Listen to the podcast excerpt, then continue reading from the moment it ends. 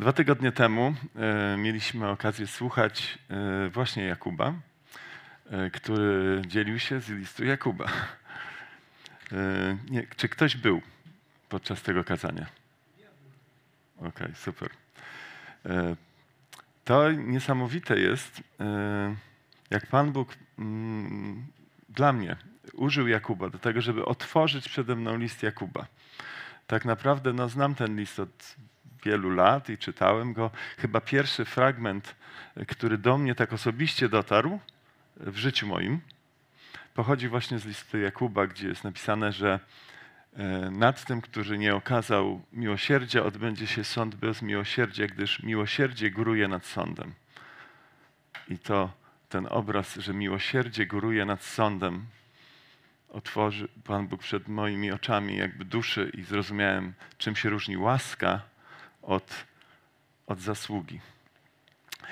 E, I dzisiaj będziemy kontynuować e, przesłanie z tego samego listu, właściwie nawet z tego samego rozdziału, bo Jakub się zajmował tym pierwszym, e, pierwszym, pierwszą częścią pierwszego rozdziału, a my dzisiaj poczytamy sobie drugą część tego rozdziału, ale chciałem, żebyśmy sobie przypomnieli to, co wtedy usłyszeliśmy odnośnie tego bardzo ważnego kontekstu całego listu, który tak naprawdę sprawia, że zaczynamy rozumieć, co tam jest napisane, ponieważ te słowa są pisane do konkretnych ludzi w konkretnej sytuacji i są pewnego rodzaju ym, takim atakiem na to, co zaatakowało ich życie. E, dzieje się mianowicie tak, że są to ludzie będący w rozproszeniu spowodowanymi y, prześladowaniami. Więc w tym rozproszeniu, e, kiedy musieli zmienić miejsce zamieszkania, kiedy musieli się przeprowadzić, doświadczają tego, jak bardzo różnią się od siebie jako ludzie wierzący. Ponieważ okazuje się, że jedni z nich mają więcej zasobów, finansowych też, a inni mniej. I ta sytuacja jakby wy, wyciąga to.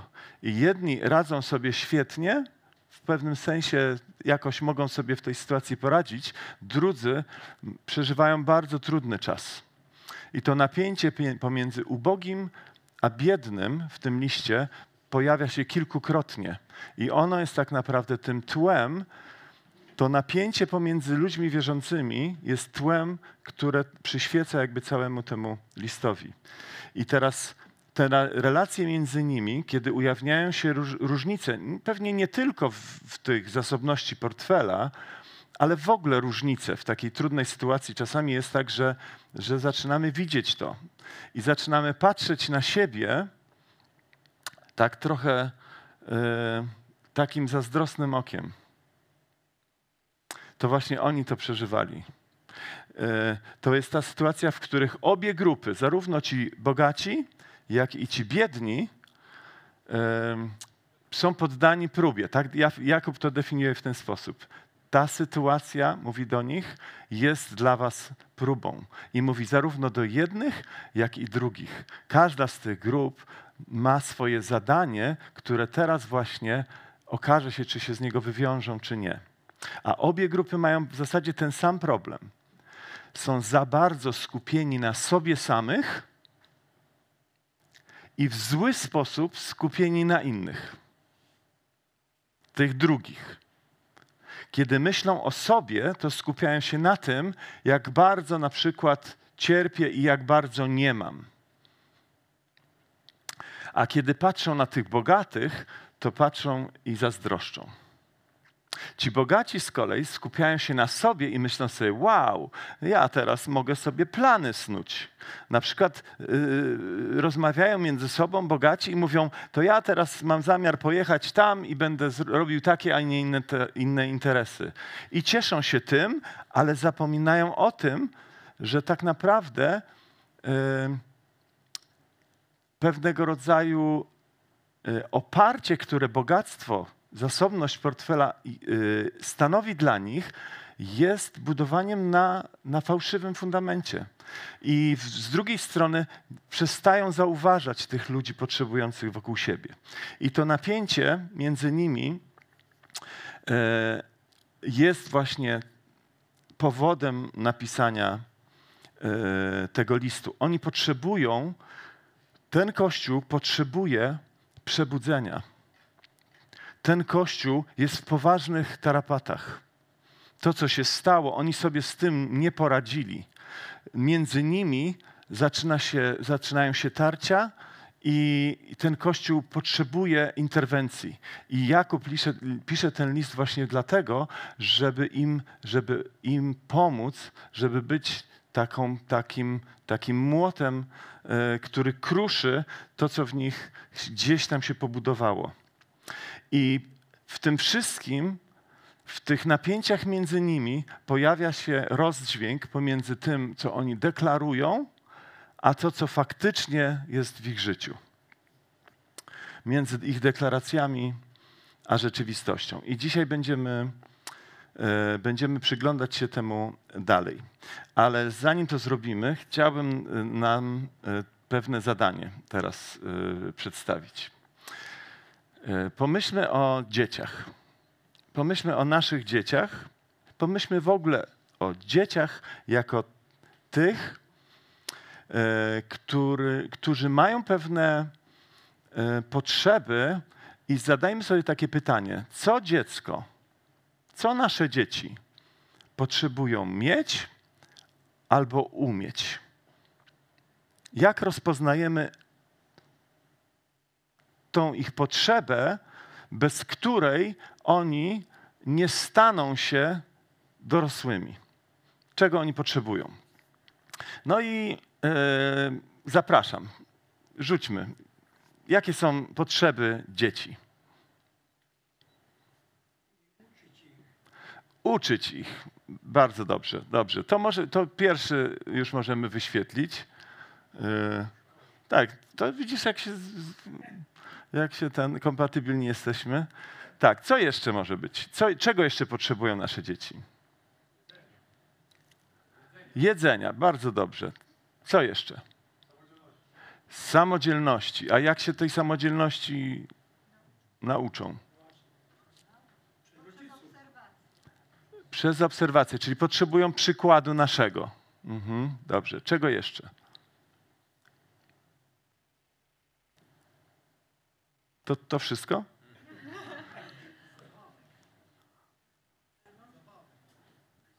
Zabawy potrzebują, okej. Okay. No dobrze, a pomyślmy o tych dzieciach trochę tak, um, nie tak jak tylko są takie małe. Pomyślmy o całym tym procesie stawania się osobą dorosłą. Okej. Okay. skąd one, skąd to, skąd to dostają?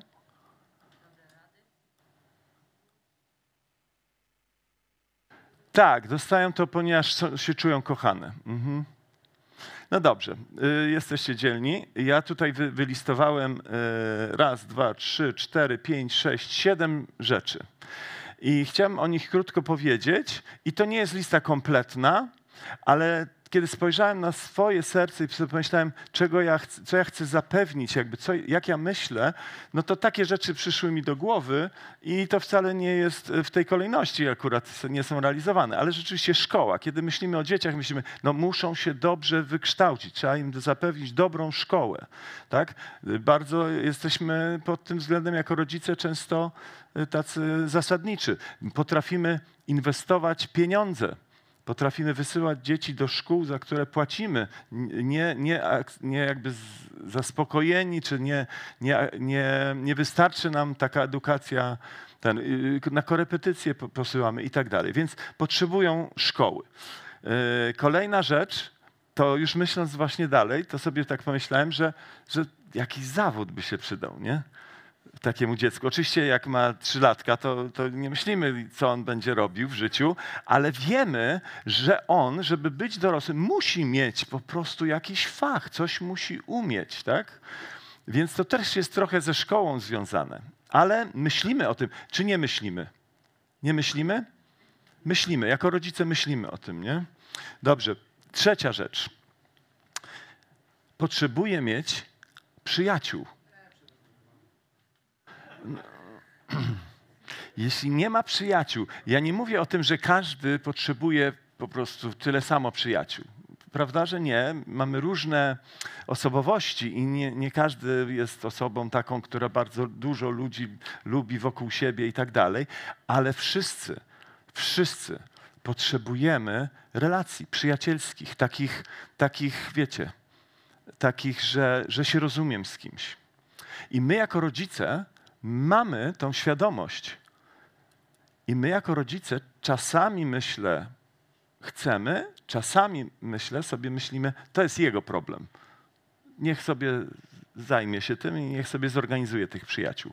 Ale kiedy widzimy, że to się nie dzieje, to jesteśmy zmartwieni i zaczynamy czuć, że, że to jest potrzeba, której potrzeba zaspokoić. Kolejną rzeczą, którą tutaj wyliczyłem, to jest właśnie miłość. Czyli każde dziecko potrzebuje być takie, mieć tą świadomość tego, że jest kochane. To są nasze domy rodzinne. To są te momenty przed zaśnięciem, e, to są te godziny spędzone na zabawie, e, to jest to czytanie, czytanie książki przed zaśnięciem i tak dalej, i tak dalej. To daje tym naszym dzieciom miłość. Kolejne, potrzebuje poczucia bezpieczeństwa, ciepła, pewnego miejsca. Organizujemy tym naszym dzieciom czasami zmieniamy mieszkanie po to, żeby one mogły mieć swój pokój. Tak? Wiemy, że to jest potrzeba taka, że, że, że to miejsce i to, związane z tym poczuciem bezpieczeństwa jest e, potrzebne. E, no i tak myśląc właśnie bardziej dalekosiężnie, e, później będą potrzebowały pracy, czyli ten zawód, który zdobyły, no musi jeszcze się przerodzić w, konkretne miejsce, w którym ta ich wiedza, te ich umiejętności będą będą wykorzystywane i dzięki temu będziemy widzieli, że oni wchodzą w dorosłość. Tak? I ostatnia rzecz, którą to wyliczyłem, jest tak? Myślimy tak?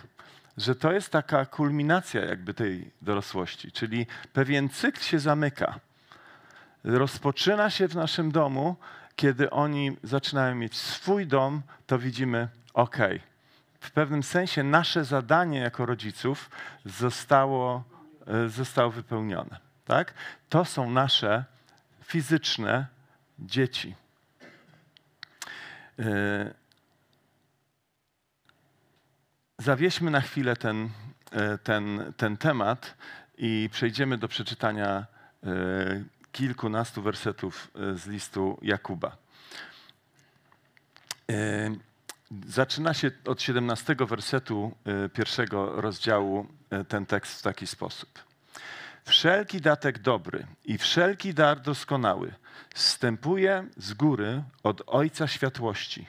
U Niego nie ma żadnej odmiany, ani nawet chwilowego zaćmienia. Gdy zechciał, zrodził nas przez słowo prawdy, abyśmy byli niejako pierwszym zarodkiem Jego stworzeń.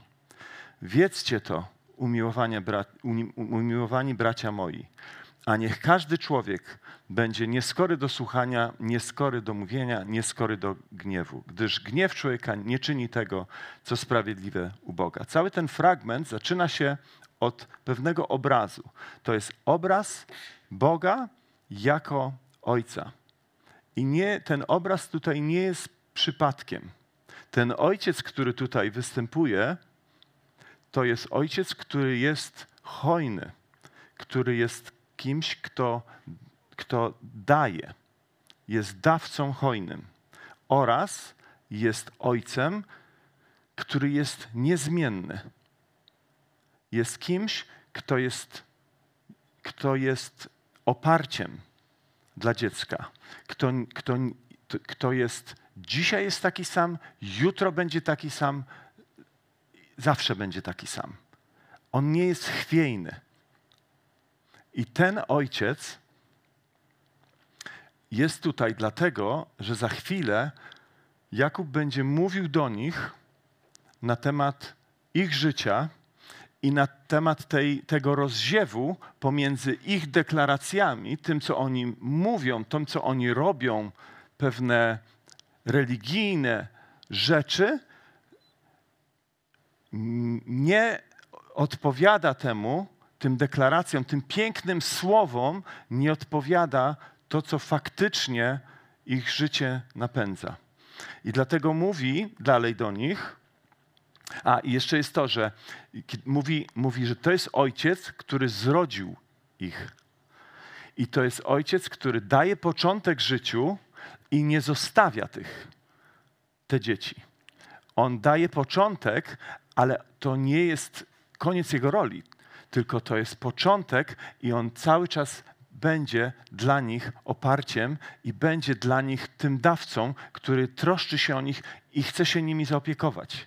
I ten właśnie Bóg w, tym pierwszym, w tej, tej pierwszej części y, tego pierwszego rozdziału występuje jako ktoś, kto daje im te sytuacje, w których oni są w tym momencie, jako narzędzie do tego, żeby doprowadzić ich do dojrzałości.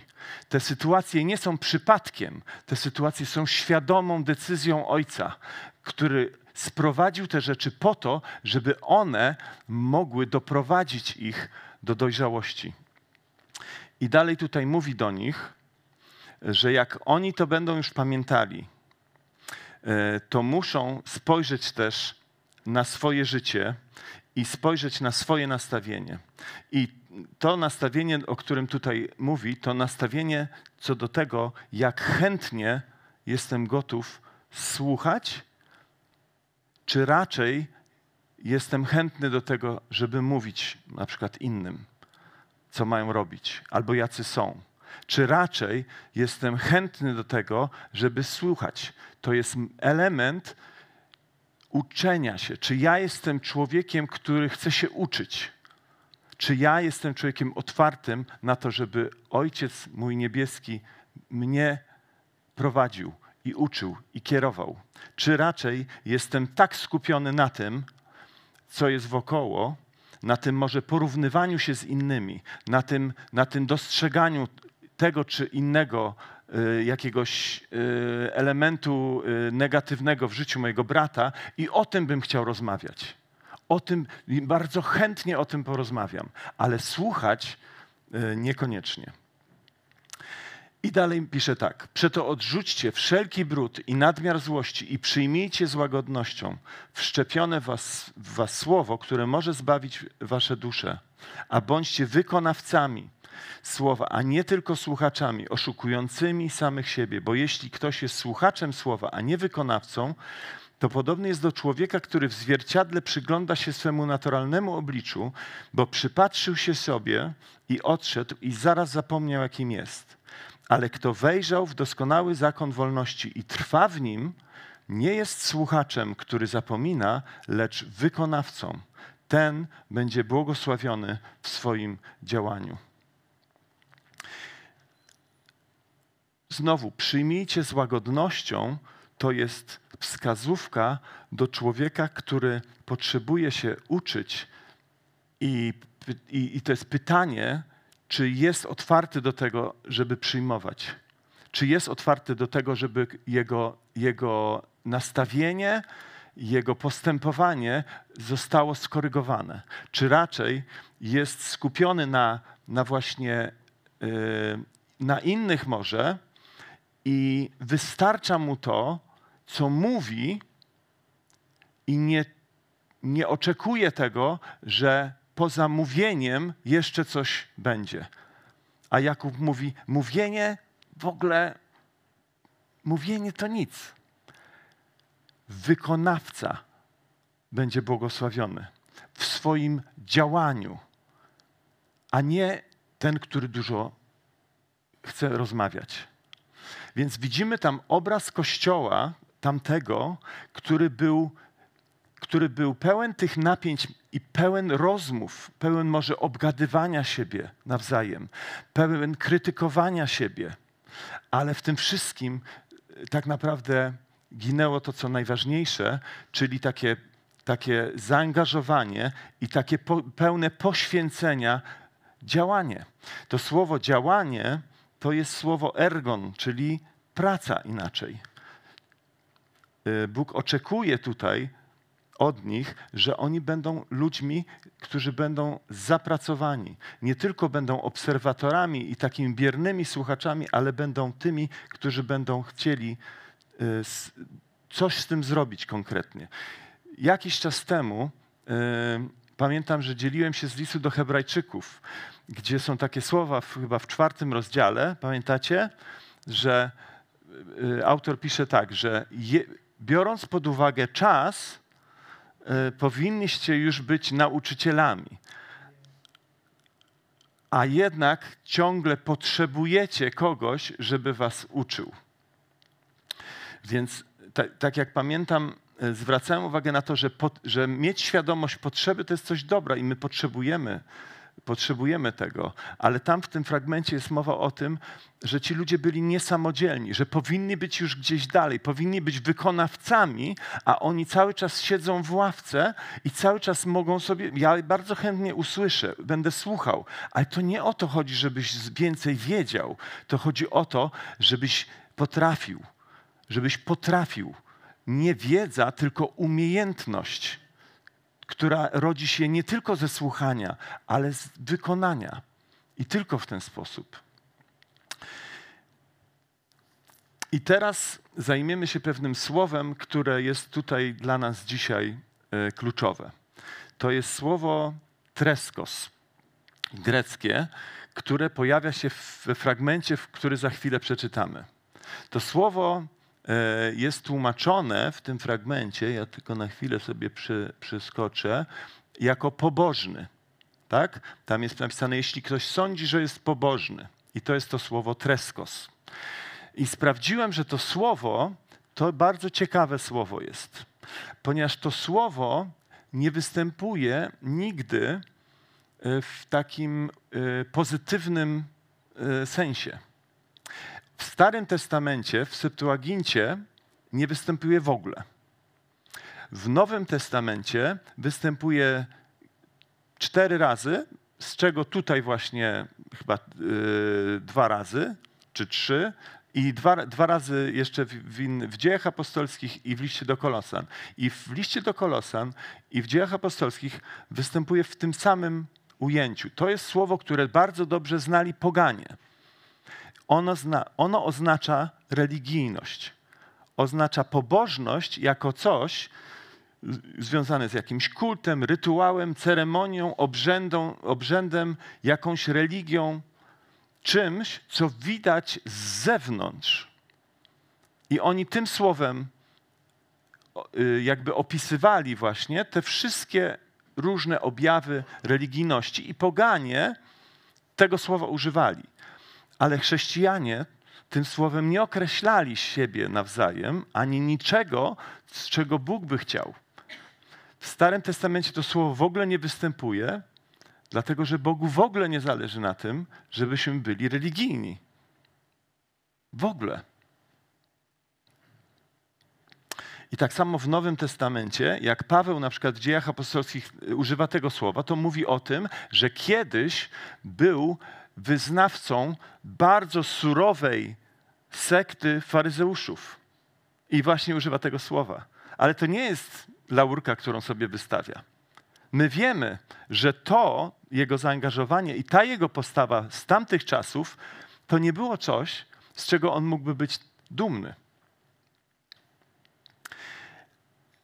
Użycie tego słowa w następnym fragmencie nie jest komplementem dla adresatów.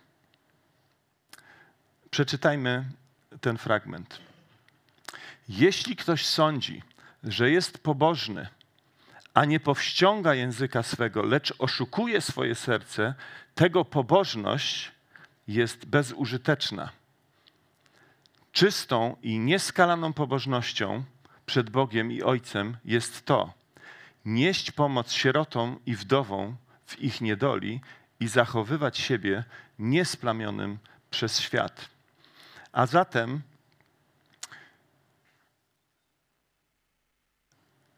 autor opisuje ich stan, w którym oni są w tym momencie, jako stan ludzi, którzy robią pewne rzeczy zewnętrznie, są zajęci czymś, z zewnątrz przychodzą na nabożeństwa, yy, śpiewają, wstają, siadają, klaszczą wtedy, kiedy trzeba, ale on yy, mówi, że to y, jest podobne do tego, co robią wszyscy poganie. Ale w tym y, nie ma życia. W tym y, nie ma żadnej wartości. I mówi, jeśli, jeśli robisz te wszystkie zewnętrzne rzeczy, ale nie potrafisz opanować swojego języka, którym krytykujesz na przykład swojego brata, y, to taka pobożność jest po prostu bezużyteczna. Ona nie ma żadnej wartości. Natomiast czystą i nieskalaną pobożnością, i to jest paradoks właśnie, bo to, jest, to w ogóle nie jest pobożność, bo on mówi za chwilę o rzeczy, która nie jest żadnym rytuałem, tylko to jest prawdziwe zaangażowanie się w życie prawdziwego dziecka czy kobiety, która nie ma środków do życia i zaangażowanie i prawdziwa pomoc. To nie jest żaden religijny czyn, to jest prawdziwe posłuszeństwo i prawdziwe życie. I on mówi, że to rzeczywiście Bogu się podoba. Ale to może stać w sprzeczności z ich właśnie aktualnym stylem życia. Oni są do tego, na to y, niegotowi. Chciałbym prosić teraz nas o chwilę, y, zaprosić do oglądnięcia pewnego filmu.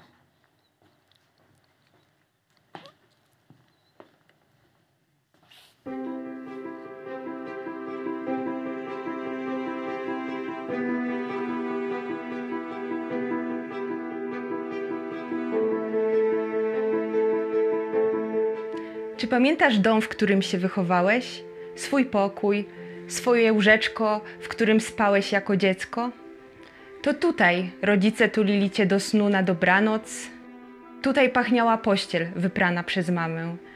Tutaj rodzice opowiadali ci historię przed snem i wspominaliście o tym, jak minął dzień.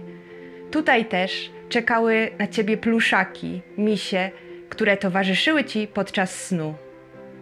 Czy pamiętasz stół w Twoim rodzinnym domu? To właśnie tutaj spędzaliście czas z rodziną przy wspólnym ciepłym posiłku, a czasami przy kolejnym kawałku pysznego ciasta, które piekła mama. To właśnie tutaj miały miejsce rozmowy, gdzie mogliście podzielić się tym, co było dzisiaj w szkole. Przy stole śmialiście się, żartowaliście i rozmawialiście. Czasem też o trudnych rzeczach to właśnie tutaj spotykaliście się jako cała rodzina. A okno? Czy pamiętasz okno w Twoim pokoju? To tutaj mama pokazała Ci pierwszy śnieg i odlatujący do ciepłych krajów klucz gęsi. Spoglądając przez nie, wyczekiwałeś powrotu taty i Waszej wspólnej zabawy. Patrząc w nie, widziałeś, jak po burzy wychodzi słońce i czasem z głową w chmurach zastanawiałeś się, jak duży jest świat. Są w naszym kraju dzieci, które nigdy nie doświadczyły wspomnień takich jak ty. Wciąż czekają, żeby poczuć, przeżyć, doświadczyć takich chwil, takich wydarzeń, o których słyszeliśmy przed chwilą. Czekają, żeby stać się częścią czyjegoś życia, żeby stać się dla kogoś ważne, żeby być kochane. Czy jesteś gotów, żeby otworzyć swoje serce a później również dom, żeby pomóc jednemu z takich dzieci w jego życiu. Pomyśl o swoim domu, mieszkaniu, w którym żyjecie. Czy znalazłby się tam pokój, łóżko, które mogłyby służyć jakiemuś dziecku i stać się miejscem, w którym poczuje ciepło, troskę i miłość, może pierwszy raz w swoim życiu? Czy przy waszym stole znalazłoby się miejsce dla jednego, a może kilku dzieci, które mogłyby usiąść z waszą rodziną i poczuć się jej częścią? Poczuć, że komuś na nich zależy, wziąć udział w Waszych rozmowach i czasie, który tam spędzacie, wziąć udział w rozmowach, które są pełne radości, ale czasami też dotykają trudnych rzeczy, na które będziecie mogli im odpowiedzieć i wskazać rozwiązania, które Pan Bóg oferuje nam w swoim Słowie. Czy okna w Twoim domu mogą stać się miejscem, gdzie dzieci będą mogły patrzeć na świat, i może pierwszy raz w życiu spojrzą na swoją przyszłość z nadzieją i wiarą, że znajdą tam coś dobrego, coś, co przygotował dla nich Pan Bóg. W liście Jakuba 1,27 Boże Słowo uczy nas, że prawdziwa pobożność to nieść pomoc sierotom i wdowom. Czy jesteś gotowy, żeby być posłusznym temu Bożemu powołaniu.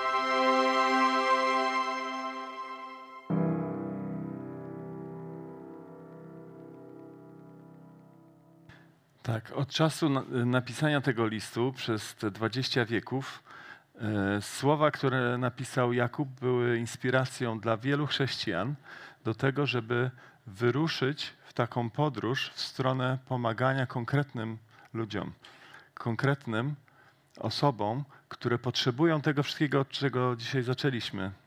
I tych wszystkich rzeczy, które wyliczyliśmy, które my dajemy naszym dzieciom, a one nie mają nikogo, żeby on im te rzeczy dał.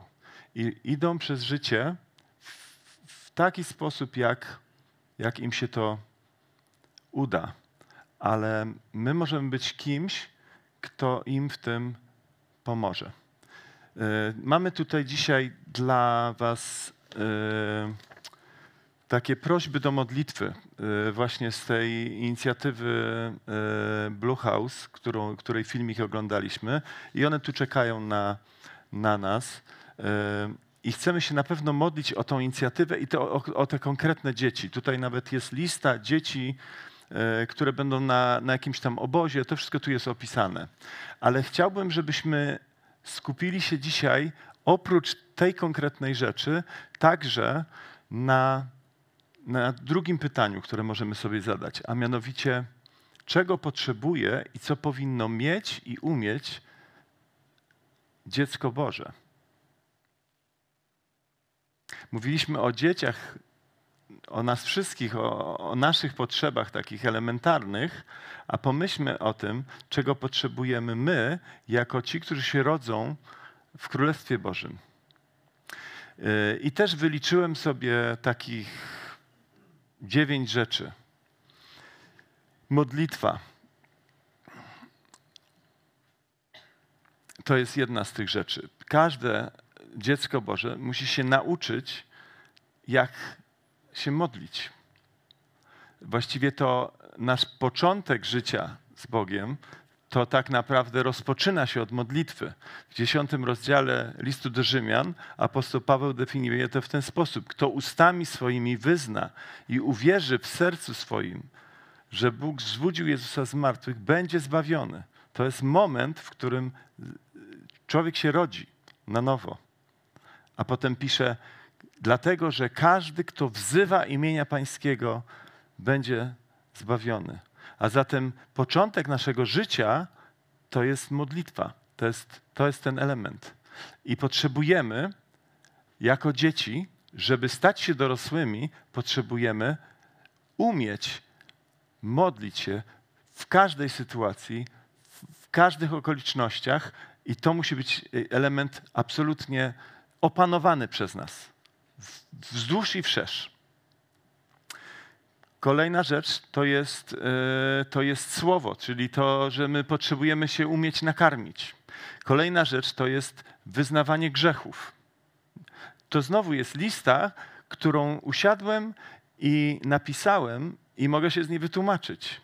Ale może nie, nie, nie jest to jakiś, wiecie, yy, każdy mógłby z Was stworzyć inną tą listę i pewnie dopiero jakbyśmy je połączyli, to mielibyśmy pełen obraz. Dlaczego tu jest to wyznawanie grzechów? No dlatego, że wyznawanie grzechów determinuje szczerość naszych relacji. Jeśli nie jesteśmy w stanie wyznawać sobie grzechów, które zresztą y, tu w Jakuba występuje. Na końcu w piątym rozdziale w liście Jakuba Jakub pisze, wyznawajcie sobie grzechy jedni drugich i módlcie się jedni za drugich. Jeśli nie mamy takiego poziomu szczerości ze sobą, żeby właśnie wyznawać sobie grzechy, to jesteśmy nie na drodze do dorosłości. Zdecydowanie brakuje nam. Kolejna rzecz, którą też znajdziemy w Biblii, to jest post na przykład. Musimy, musimy jako ludzie wierzący umieć pościć.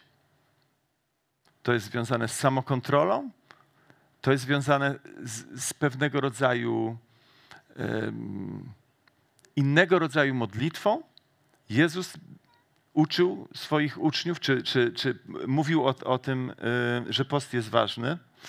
Znowu ciepło miejsce i poczucie przynależności, to które widzieliśmy w, tych, w tym wzroście takim naturalnym dzieci, to samo występuje tutaj. My, jako ludzie wierzący, potrzebujemy mieć to ciepło. Musieli, potrzebujemy znaleźć gdzieś miejsce, w którym się czujemy u siebie. I potrzebujemy y, mieć taką, taki, w tym całym naszym rozwoju, potrzebujemy znaleźć taki element, jakim jest co? Lojalność. Tak jak dom, że musimy wiedzieć, że to nie jest tak, że to jest tylko w jedną stronę, że to jest mój dom, ale też właśnie przez to, że to jest mój dom, to ja na przykład wyrzucam śmieci. To jest, to jest, to jest ten element.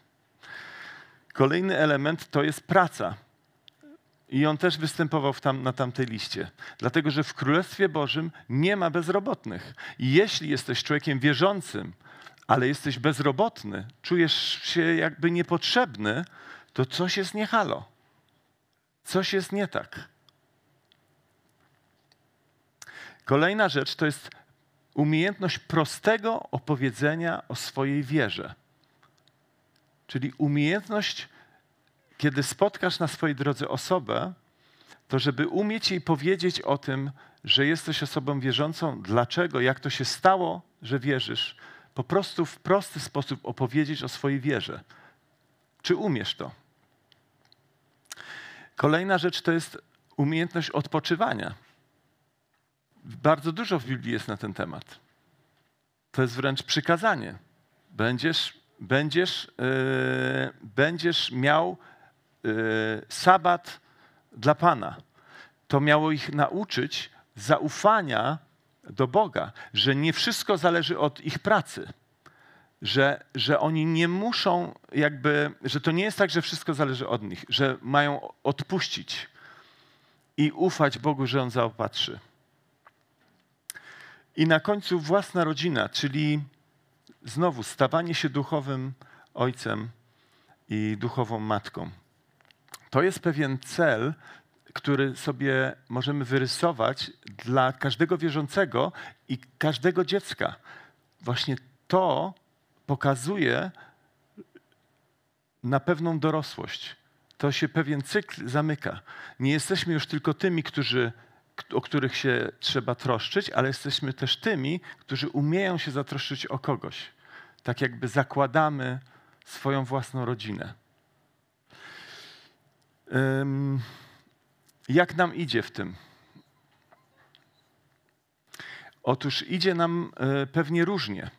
Tak samo jak tym dzieciom naturalnym idzie różnie. Dlaczego? No dlatego, że czasami po prostu czegoś nie umiemy. Ale czasami po prostu y, potrzebujemy też zobaczyć to i szukać rozwiązania.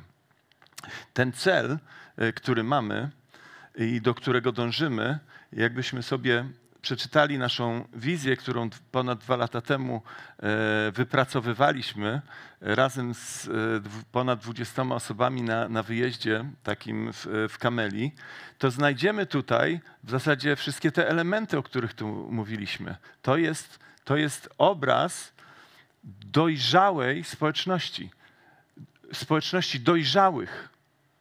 To jest takich, którzy potrafią e, się zatroszczyć jest tu o tej dojrzałości mnóstwo.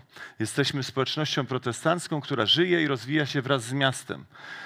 Nasze życie jest skoncentrowane na Chrystusie i Jego nauce. Pragniemy, żeby przesłanie Ewangelii trafiało do każdego pokolenia. Chcemy to robić głosząc Słowo i działając społecznie, działając. Zależy nam na tym, żeby wszyscy mieli osobistą i głęboką więź z Bogiem i przez to bliskie relacje z ludźmi.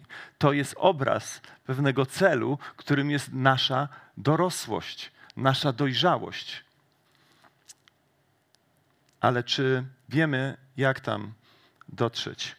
Myślę, że czasami jest tak, że tak jak w tym obrazie Bóg napomina tych ludzi, żeby stali się opiekunami tych osieroconych, tak samo myślę, że dzisiaj napomina nas do tego, żebyśmy stali się ojcami, matkami dla innych wierzących.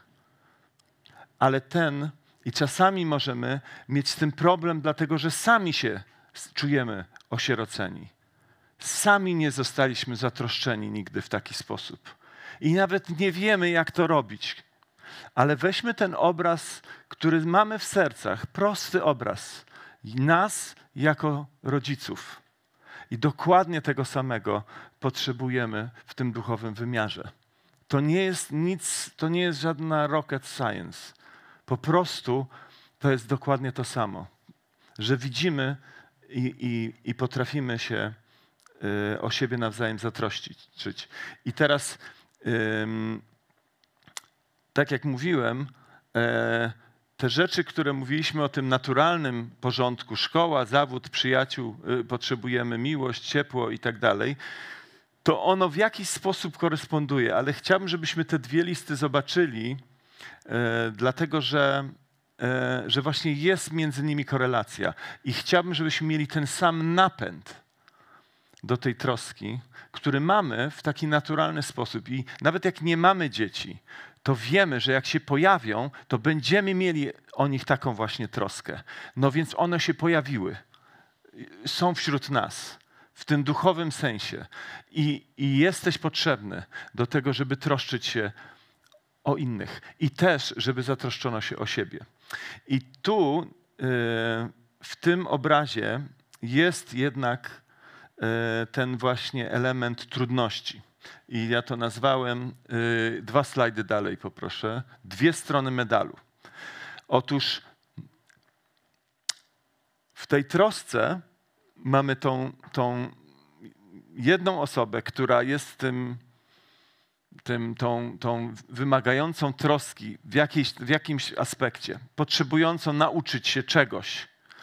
I jest też ta, ta druga, która e, no, mogłaby pomóc. Mógłbym Ciebie tego nauczyć, mógłbym Ci pomóc to zacząć robić. Ale e, są właśnie dwie strony e, medalu, bo nie wystarczy, żeby jedna ze stron się zdecydowała. Muszą się zdecydować obie strony. Dlatego ten fragment zwraca się jakby do obu stron. Do jednych mówi: nieście pomoc. To jest prawdziwa pobożność. Nieście pomoc. A do drugich mówi: przyjmijcie z łagodnością słowo.